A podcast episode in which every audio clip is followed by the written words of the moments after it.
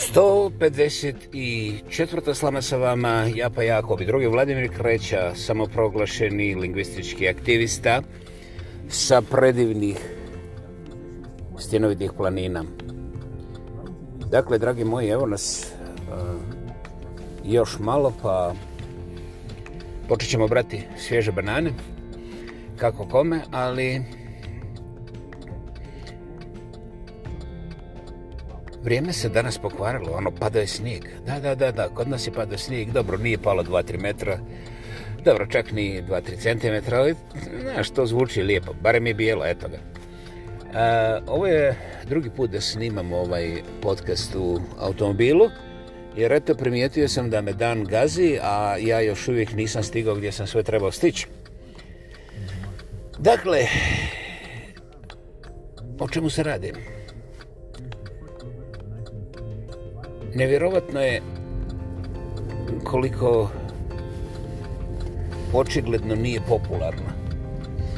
Znači, sve stvari koje vidimo, mi u stvari i tekako trošimo ovaj, sve moguće naše kapacitete i sposobnosti da ne vidimo.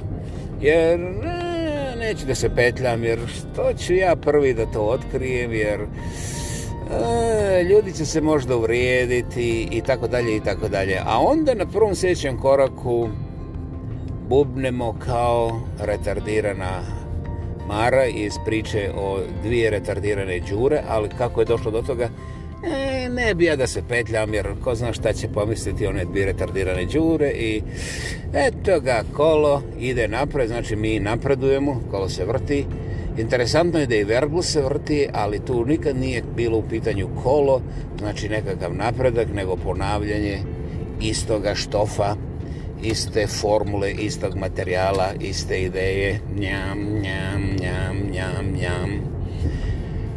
Dakle, e, vi znate nekoga ko ovo ne zna, molim vas, javite mi jer e, čak ni oni bez mozga vrlo, vrlo burno reagiraju kada im se desi to sa ham, ham, ham, njam, njam, ham, sa tim ovim verglom, kada se počnu ponavljati zvuci.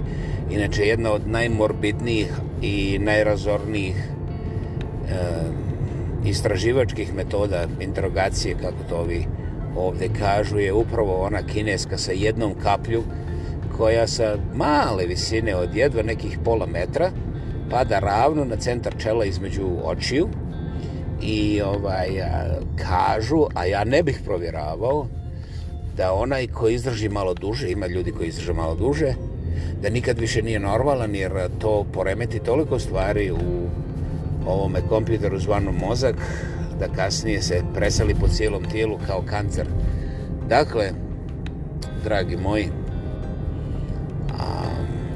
ovo nije eh, duhovito i dešava se na svakom koraku oko nas, a mi eto imamo jedno zilion iskustava kao nećemo pa ne možemo pa onda ne razumijemo pa onda nije nam baš drago zašto da mi budemo prvi i tako dalje. Šta sam ja to zapravo htio reći? Život je nekako na čudne načine apsolutno neograničen. No da, dobro ste me čuli. Ako hoćete emociju, ako hoćete inteligenciju, ako hoćete e, duhovnost, produhovnost, znanje, stanje i sve te stvari. E, znači, život je nevjerovatno e, e, bezgraničan. Totalno bezgraničan, dobro ste to čuli.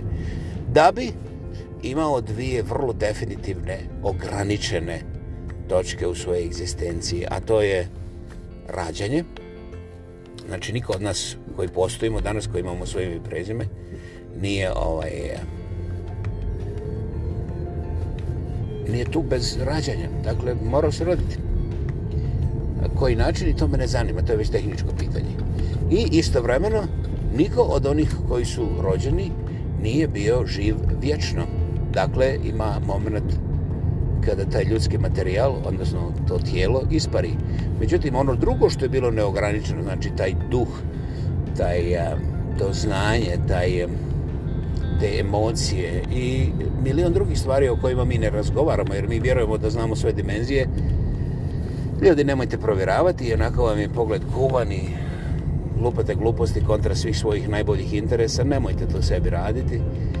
A znate, još to donosi odmah automatsko kuhanje mozgova i dušica vaše vlastite djece.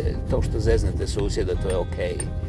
Ali dok dođe do susjeda, vi ste spržili već nekoga u svome korijenu i u sebi. Dakle, to je stvar koju morate imati na umu i ovaj, onda ponovo možete da razmislite i da vidite kako jeste. Život ima te dvije granične točke koje postoje, sve drugo u i oko života je apsolutno neograničeno. E, zašto smo mi neki onda tako tupi, glupi, sirotinje i tako dalje i sve te stvari? Pa, gospodo moja, e, ima tu i neki drugih ograničenja. Da vam. Ima tu drugih ograničenja, morate da pogledate. Pod broj jedan,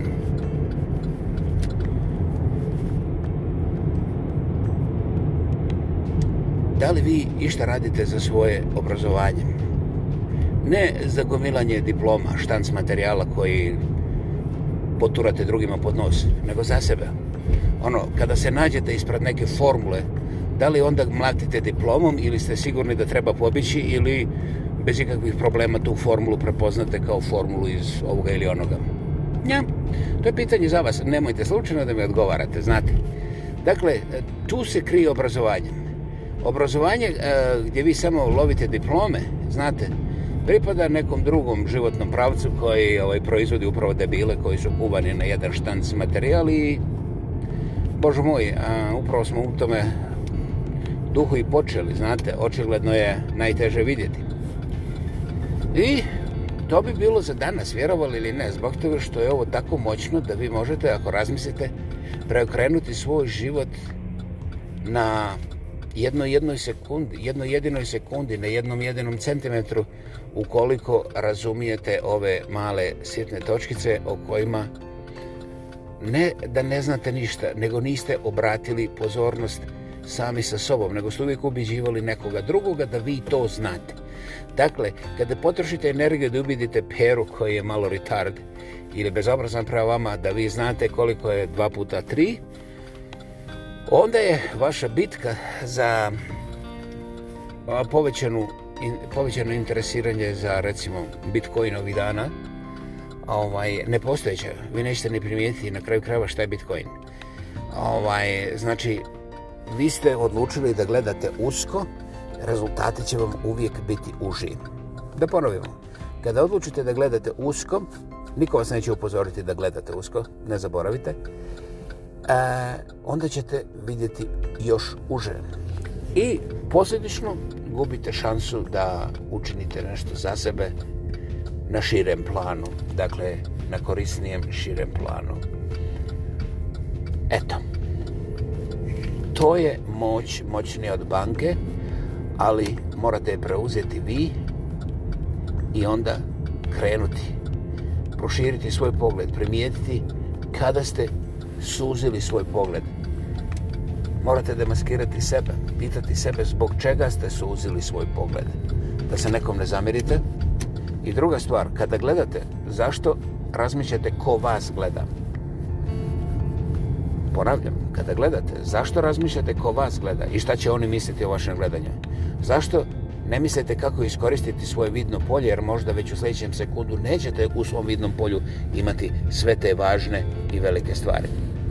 Dakle, kao što vidite, ovo je, ovo je samo mala sitnica, a nevjerovatna moć. Izvolite, ja vam od srca poklanjam širinu vašeg pogleda, a ostalo vi možete sa lakoćom učiniti svakako ukoliko se to vama učini vrijednim. I ne možete nikoga kriviti ako nastavite sa suženim rezultatima. Dakle, svako dobro, bio je ovo 154. put slama sa vama. Ja pa ja, ko bi drugi, Vladimir Kajča sa predivnih istinovitih planina i imate predivan dan, a mi se čujemo prije nego što se vidimo. Joj, ovo mi se svidjelo, to sam izmislio prije tri epizode. Hvala, živi i zdravi bili.